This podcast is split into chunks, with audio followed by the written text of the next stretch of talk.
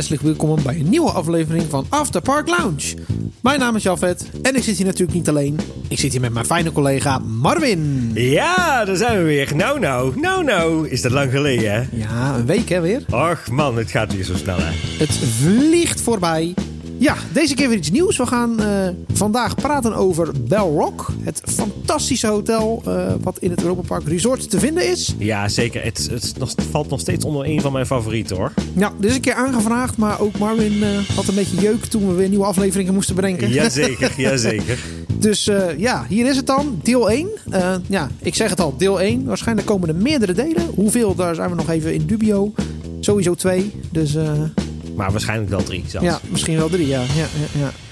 Dus uh, ja, Bell Rock, Marvin. Ja, dat is een, een, sowieso een hotel dat uh, eigenlijk al uh, best wel een lange tijd al staat. Hè. In 2012 is het geopend. het is een vier sterren superior hotel. Hè. Dus echt bijna een, een van de hoogste klasses die je maar kunt bedenken in de hotelwereld. Ja, ik, zoals ik al zei, ik vind het nog een fantastisch hotel. Maar vandaag duiken we eigenlijk een beetje in de ontwikkeling van Bell Rock. Want dat was voor Europa Park toch wel een ja, een, een milestone hotel waarbij eigenlijk alles net even iets anders moest. Ten opzichte van de vorige vier hotels. Ja, ik wilde nog steeds een keer gaan slapen, Marin. Oh, de laatste keer toen ik wilde boeken, toen was alles vol. Dus dat ging helaas niet. Ja, dan moeten we dat toch een keertje Want ik ben niet de enige die dat wil, schijnbaar. raar. Ja, wat raar. Ja. Maar goed, uh, Belrock, je zei het net al. Het is inderdaad het vijfde hotel van Europa Park. Weet je ze ook op juiste volgorde te noemen? Van 1 tot 4, of dat niet? Uh, dat is El Andalus. Vervolgens hebben we Castillo. Daarna kwam Colosseo, Santa Isabel. En uh, dan hebben we natuurlijk uh, Belrock. En dan tel ik maar even het campresort niet mee. En ook, ja, je bedoelt het hotel in de Deutsche Straat, in de Deutsche Allee. Precies. Ja, ja, dat is er dan niet meer. Nee. Maar goed, ehm, ja, dat is dus het vijfde hotel. maar ja, uiteraard lagen de plannen om een vijfde hotel te bouwen. Die lagen er al eventjes. Uh, waarom was dat nou? Want Europa Park die was uh, aan het kijken of ze de short stay recreatie verder konden uitbreiden. En dan denk je, wat is dat nou? En als ik het goed heb, dan is dat uh, ja, voor de mensen die dus maar één nachtje blijven. Precies. Of, of, of gewoon ja. voor korte tijd in Europa Park zitten. Um, maar goed, wat was nou het probleem? de plannen kwamen een beetje lastig op gang, omdat de grond waarop Belrock ja, gebouwd is, aanvankelijk een hele lastige locatie leek. En hoe komt dat nou? Uh, nou, dat ging erom dat uh, het stuk grond was uh, voornamelijk langwerpig en leek op het eerste oog ook best wel een eentje van het park af te liggen. Ja, en het punt was dat een hotel een bepaalde capaciteit nodig heeft. En het moet natuurlijk een ruime lobby hebben, want hè, je wil niet door een smal gangetje inchecken. Uiteraard ook voldoende kamers, maar natuurlijk ook restaurants, opslagruimtes en niet te vergeten, wat onbebouwd moet blijven. En dan denk je natuurlijk aan de aanleverroutes voor de, voor de vrachtwagens en zulke soort zaken. Ja, dus mocht je nou heel veel eh, mee willen nemen, dan kun je gewoon met je vrachtwagen gewoon voorparkeren. Ja, kun je gewoon aan het dok. Door, kun je zo uh, pallets zo eruit rijden. Ja, precies. maar goed, alles neemt dus een hoop ruimte in beslag. Maar goed, uh, zowel Roland, Jurgen, Michael en uh, Thomas Mak, die hadden natuurlijk het, het concept gerealiseerd. En wie deed dan wat? Nou ja, Roland en Jurgen, dat waren officieel gezien waren zij de opdrachtgevers. Maar ze hebben eigenlijk wel Thomas een beetje aangespoord om vanaf uh, ja, het begin van de bouw, uh, de gastronomie en de hotellerie uh, ja, op zich te nemen. daarbij werd hij natuurlijk wel gespoord door zijn oom en zijn vader. En die hadden natuurlijk al een hoop ervaring, want die hadden natuurlijk de vorige vier hotels al gerealiseerd. Dus Thomas die ging er helemaal voor. Nou, zo zijn er dus bijvoorbeeld grotere kamers ontwikkeld. Zijn er gescheiden douches, een gescheiden toilet. Daarnaast zijn er kelnergangpaden breder geworden. Er waren meer opslagruimtes. Er zijn speciale liften voor personeel. Zodat ze de bezoekers niet meer in de weg lopen. Nou ja, allemaal zulke soort zaken. Daar is uh, ja, best wel lang over nagedacht. En uh, uiteindelijk ook uh, erg mooi gerealiseerd natuurlijk. Zeker. Nou, voor het ontwerp betrok ze natuurlijk Rudy of Rudolf Neumeijer erbij. En um, ja, die heeft eigenlijk vanaf El Andalus werkt hij al samen met Europa Park. Want hij deed alle binnenhuisarchitectuur. Terwijl eigenlijk De, de grote man achter de eerste hotels tot en met eh, Colosseo was Ulrich Damrau. Ja, die heeft dus alle, alle ontwerpen buiten, voor, buiten allemaal zo gemaakt. Maar ja, helaas was, uh, is uh, Ulrich Damrau op uh, 7 mei 2007 overleden. Dus ja, ze konden daar niet meer op terugvallen. Nou, vanaf 2008 zijn ze echt aan de slag gegaan met de eerste plannen uitwerken. En dat bleek ook wel dat ze dus de eerste studies gedaan, zijn gedaan voor het ontwerp. En aan de ene kant moest natuurlijk het concept uh, passen binnen Europa Park. Hè? Maar tegelijk moest er eigenlijk ook iets ongewoons worden. En dat is al een heel, ja, toch wel bijzonder ding. Het thema kwam eigenlijk al heel snel naar boven toe, want ze speelden eigenlijk met het idee om ja, een Scandinavisch thema eraan vast te hangen. Ja, waar kennen we dat van? Ja, dat is natuurlijk het zesde hotel, hè? Kronosart. Precies. Maar ja, hè, en, dat, en dat voornamelijk wilden ze dan ook heel veel dingetjes met hout gaan doen en zo. Uh, dus dat, was, uh, dat past natuurlijk perfect in het Scandinavische thema. Alleen op een gegeven moment was een van de Neumeyers was dus op reis naar uh, de Verenigde Staten. En daar bezocht hij een meubelbeurs. En ontdekt eigenlijk meubels die eigenlijk een soort van in de shaker-stijl vallen. Zeg mij niks, wat houdt dat in? De Shakers zijn zeg maar een groep ja, religieuze mensen, of een, ja, een religieuze stroming in, in New England. Uh, die bestaan tegenwoordig niet echt meer, maar dat was in de 18e en 19e eeuw was dat nog wel, uh, wel een ding. En die hadden zoiets van, ja, weet je wat, we hebben een levensmotto, dat is, en dat kunnen ze natuurlijk ook weer terugzien in alle meubels, dat er eigenlijk geen afleiding mag vormen voor toewijding en het werk wat ze doen. Dus kortom, eigenlijk geen versieringen. Daar komt het op Ja, ja, ja. Dus het moet heel praktisch zijn, heel strak, heel, heel makkelijk en, en dat soort dingetjes. En dat zet dus ook Rudy Neumeijer eigenlijk aan tot het concept voor New England. En weet je, daar zit dus ook wel een bijkomend ander voordeel aan. Is dat de New Englandse stijl ook heel veel kenmerken heeft van de Scandinavische stijl. Dus ook heel veel houtgebruik en dat soort zaken. Dus dat was eigenlijk wel, uh, dat was eigenlijk wel heel bijzonder. Ja, en deed je de shakers ook wel eens cocktails drinken of niet? Nee, nee, nee, dat helaas niet. Oh. wel, aan de andere kant, je hebt natuurlijk wel die, die tinnen kannen, hè, waar je dus die cocktail in, zet. ja. Dat is wel een Boston shaker, hè? Ja, daarom. Ja, ja, ja, ja. Dan denk je, je krijgt een cocktail, maar dan kan je het schudden. Hè? Ja, precies. en het is dit ook geen versiering aan, hè? Dus, eh, Nee, precies. Maar goed, eh, hè, eh, je hebt het net al over het thema gehad. Eh, maar een ander deel was natuurlijk ook is dat het heel belangrijk was dat er een Europese tint zat aan het thema. Hè? Want we zitten natuurlijk in Europa Park. Nou, in de 18e en 19e eeuw reisden veel Engelse migranten af naar New England. En terwijl ze vertrokken, keken ze natuurlijk wel eens een keer achterom. Het laatste wat ze toen zagen was de Schotse vuurtoren Belrock. Nou ja, waar dan ook uiteindelijk de naam van het hotel op gebaseerd is. Nou, New- England is een gebied dat in het noordoosten ligt van de Verenigde Staten. En elk deel van het hotel staat voor een staat. Dus dat is ook wel grappig. Nou, als je voor het hotel staat, dan kun je ook eh, die kenmerken weer terugzien. Ehm, zo hebben we, eh, als we van links naar rechts kijken, hebben we aan de linkerkant hebben we Vermont. Hè, dat is volledig hout eh, en geel van kleur. Daarnaast heb je Rhode Island. Nou, de hoofdentree telt even niet mee, want dat is dan weer een apart gedeelte. Nou, dan hebben we de Massachusetts. Dat is dan daar weer naast. Daarnaast hebben we Maine, eh, Connecticut en eh, New Hampshire. Nou, het hoofdgebouw staat eh, niet voor een staat, maar voor een stad. Dat is namelijk de onofficiële hoofdstad van New England, Boston. ja, vandaar de Boston shaker. Hè? Ja, oh, hè, hè, haha. nou, en op de vormgeving van de gevels wordt er dan ook flink teruggegrepen naar de koloniale tijd van de Engelsen van de 18e en de 19e eeuw. En dat zie je dan ook ja, uitgebreid terug.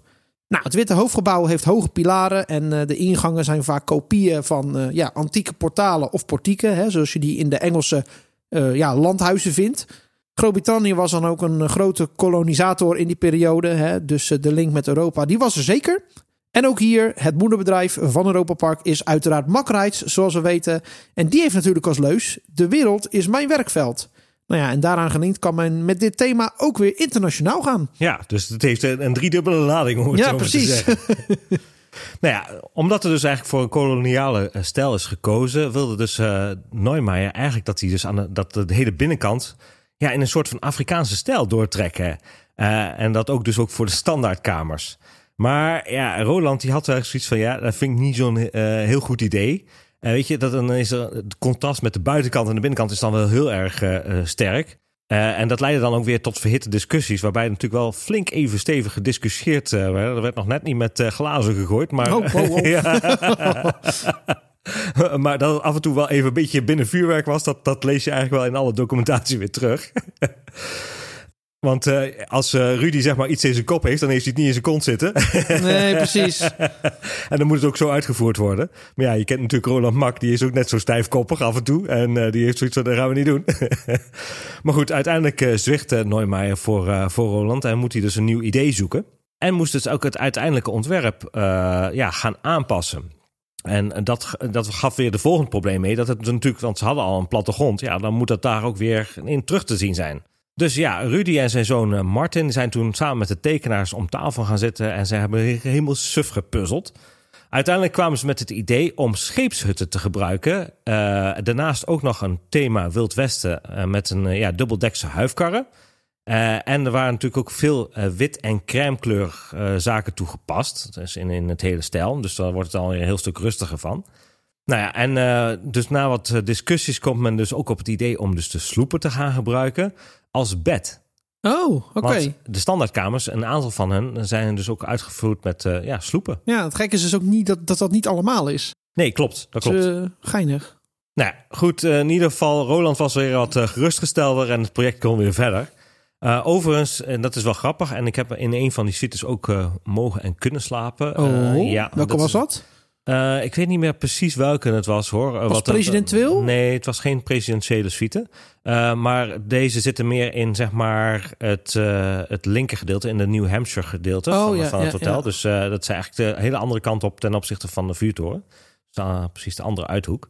Maar daar zitten dus ook Afrika-thema suites in. Oh? Dus die vind je daar nog wel terug. En dat is toch eigenlijk ook wel bewust gedaan. Want ja, Rudy die wilde eigenlijk toch wel graag ook de gast daarmee verrassen.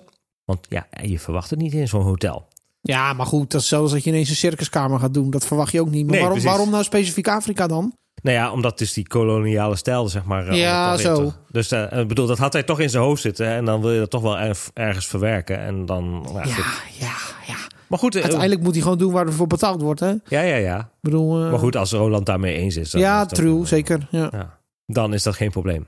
Nou ja, goed, en dat geeft natuurlijk dan ook wel weer, omdat het dan zo'n Afrika-tintje erin zit, geeft het natuurlijk ook weer een, eh, een soort van internationaal tintje aan het hotel. Maar ja, die, eh, die boten die, eh, die als bed gebruikt werden, die moesten nog wel even uitgevoerd worden. en dus ja, mochten de timmerlieden zich maar eens gaan uitzoeken hoe ze een boot moesten bouwen. Je zult maar timmerman zijn in, in Europa Park. Toen ze dat eenmaal onder de knie hadden, moesten er even, even 300 boten gebouwd worden. en dat hebben ze dus in eh, ja, een speciale aanhanger eh, hebben ze dat eh, laten vervoeren. Die boten zijn overigens in München gemaakt. En dus moesten dus helemaal naar rust getransporteerd worden. Zo, dat is een end. Ja, precies. Ja, en natuurlijk niet alleen de hotelkamers werd er veel gethematiseerd. Uiteraard ook in de restaurants. Zoals we weten hebben we natuurlijk Captain's Finest en Harborside. Dat bevindt zich in één ruimte. Nou ja, ook daar werd het dus het maritieme thema doorgevoerd. Hè. Eh, heel veel van de details hebben dus ook bijzondere verhalen. Nou, zo ontmoette Neumeier een Fransman die eh, boten kocht en ontmantelde. En kon Neumeier dus op die manier eh, ja, leuke onderdelen van boten scoren. Hè. Dus denk aan scheepslampen, maar ook andere originele onderdelen. Nou, en eh, wie heeft hij nog meer ontmoet? In Parijs ontmoette hij ook een kunstenaar die het vliegtuigmodel en een jachtmodel heeft laten bouwen voor ja, wat we tegenwoordig vinden in de Bar of Spirit of St. Louis. Eh, de rode wand in de bar zijn door iemand anders weer geleverd. Die oude schuren ontmantelde en dat exporteerde naar Canada en New England. Nou, ga zo maar door. hè? Ja, het, voelt alsof het er heel veel bij elkaar... eh, Ja, zoals we zouden zeggen, een samengeraapt zootje. Ja, dan niet, geen zootje. nee, precies, maar dan wel passend bij elkaar. Ja, precies. Ja, ja, ja. Maar eh, wat voor de meeste ja, pretparkliefhebbers, maar ik denk ook voor Henk en Ingrid, of Heinrich en eh, Bertha in dit geval, eh, is toch de vuurtoren van Belrock. Dat is toch wel het, het oogappeltje als het ware. Nou, hoe zit dat dan? Martin Neumeier die vond dat het hotel eigenlijk een landmark nodig had. Nou, dat is dus een symbool dat een positief gevoel geeft aan het hotel. Nou, de aanleiding daarvan was dat een van de designers een toren had ontwikkeld voor een van de eerste gevels. En Martin Neumeier is toen direct gaan researchen en eh, die kwam uit bij eh, de Schotse vuurtoren Belrock. Nou, het verhaal gaat dat monniken van eh Uproad, dat is een plaatsje boven Edinburgh, dat is in, in de 14e eeuw een waarschuwingsbel installeerde voor de kust, omdat het daar nogal ja, rotsachtig is. En dat bij vloed niet veel te zien was. Dus dan zou je zo met je boot eh, tegen de rots aanvaren. Ja, en er zijn heel wat boten zeg maar, daar tegen de klip opgelopen. Ja, kijk maar naar Rolantica, skips er dan. Ja, precies.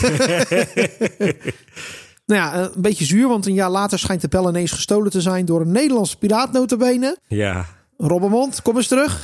die kon, die kon toen aanbellen. hè? ja, ja. Belletje lellen. Ja. Nou, pas tussen 1807 en eh, 1810 is de vuurtoren gebouwd onder leiding van Robert Stevenson. En omdat de vuurtoren 18 kilometer uit de kust staat, was het een bijzondere engineering challenge om eh, de vuurtoren te bouwen. Nou, de aanleiding was om de vuurtoren te bouwen, eh, was een scheepsongeluk met de oorlogsschip HMS York. Die op de klippen liep, waarbij alle ja, bemanningsleden om het leven kwamen. En dat was allemaal gebeurd in 1804. Dus eh, vaak eh, is het, eh, moet er eerst iets gebeuren voordat er pas actie ondernomen wordt. Hè? Precies, Zoals heel, op heel veel plekken in de wereld. Nou ja, voor het interieur deden de Neumeyers eigenlijk inspiratie op in, in Boston. En ze hebben daar ook een musea bezocht, een aantal musea bezocht. En daar vind je natuurlijk ook ja, Shakers Village en Old Sturbridge Village. En dat is een klein shakersdorpje dat eigenlijk één op één is nagebouwd. Nou, daarnaast bezochten ze ook High Point en dat is de grootste interieurbeurs ter wereld.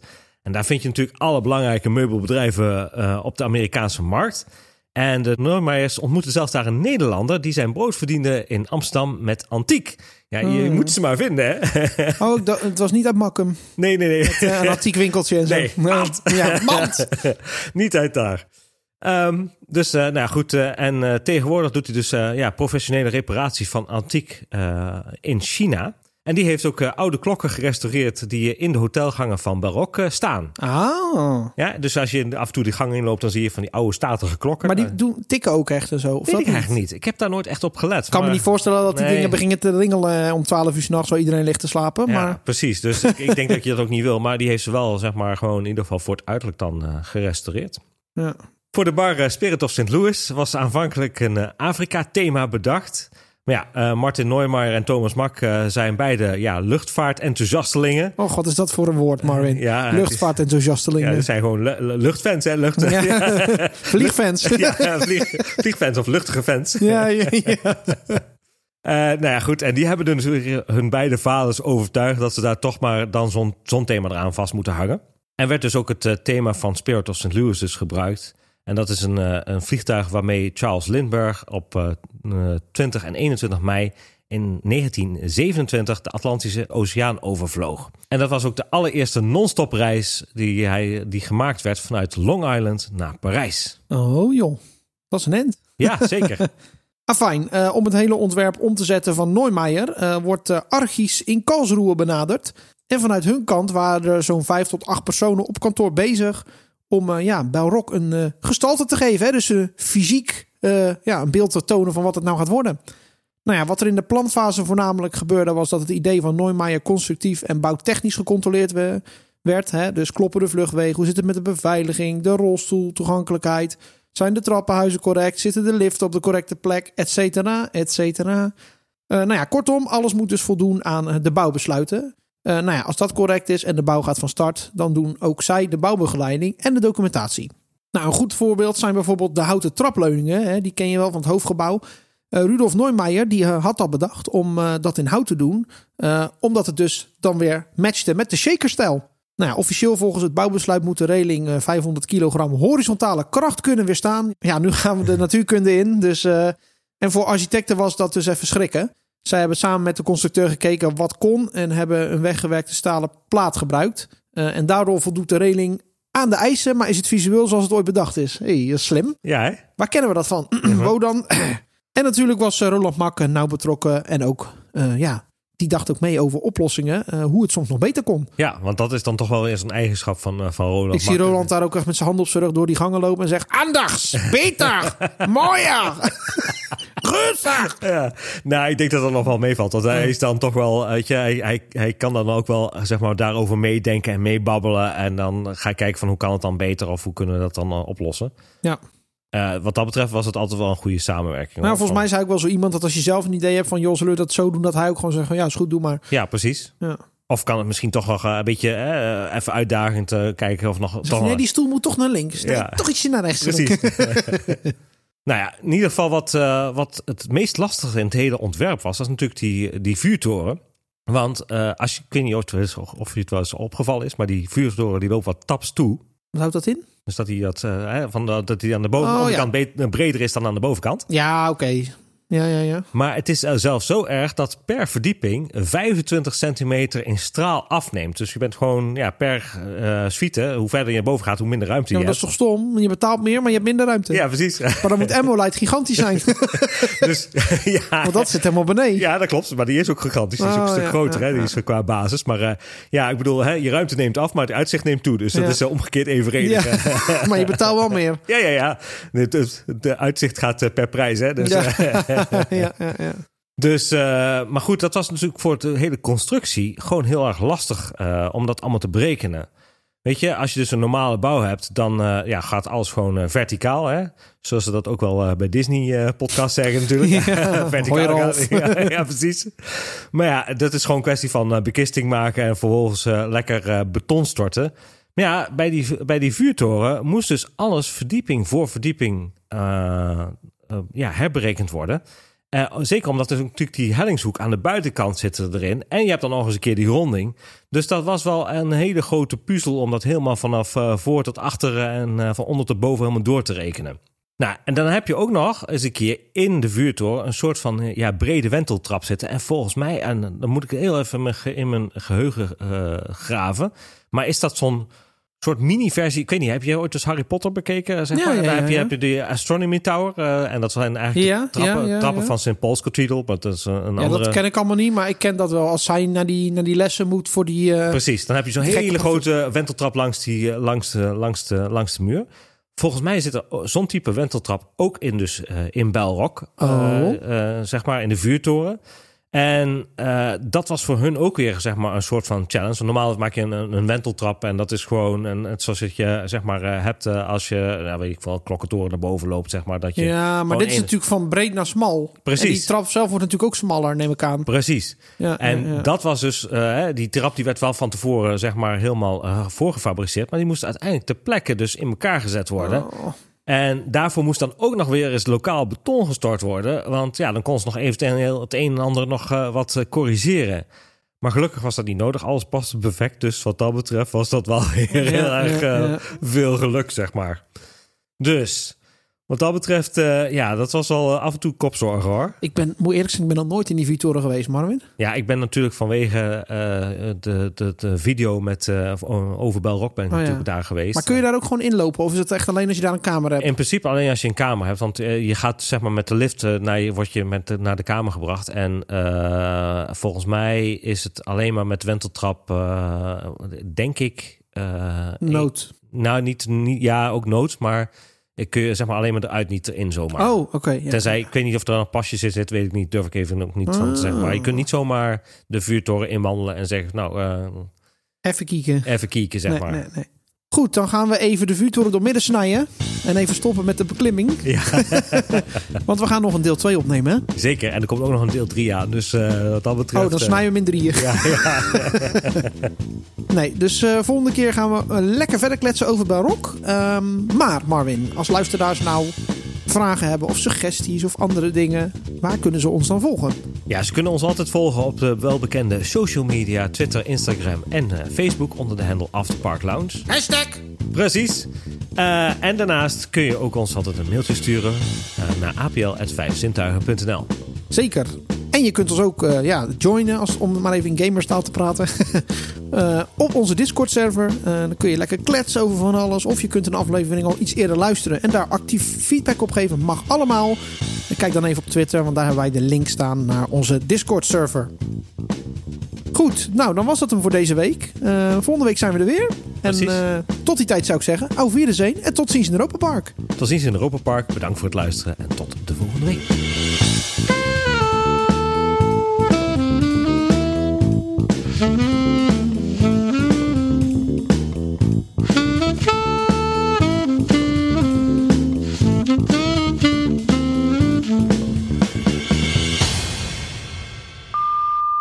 Het laatste wat ze zagen was de Schotse vuur... Schotste...